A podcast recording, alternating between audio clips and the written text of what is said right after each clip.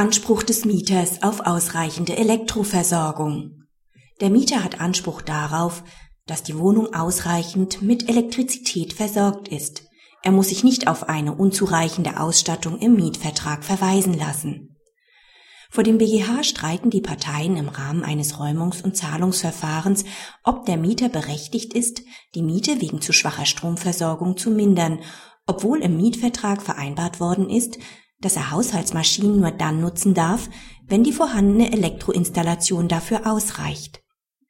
Der BGH billigt dem Mieter ein Minderungsrecht zu. Die Klausel, die ehedem gegen 307 BGB verstößt, ist keine Vereinbarung der Parteien, die eine vom allgemeinen Durchschnitt abweichende Beschaffenheit vertraglich festlegt. Insoweit hat der Mieter Anspruch auf eine Stromversorgung, die auch in einem nicht modernisierten Altbau den gleichzeitigen Betrieb verschiedener haushaltstypischer Geräte zulässt. Praxishinweis. Der BGH setzt seine 2004er Rechtsprechung, wonach eine bestimmte Stromversorgungsqualität zur Mindestausstattung einer Wohnung rechnet, fort.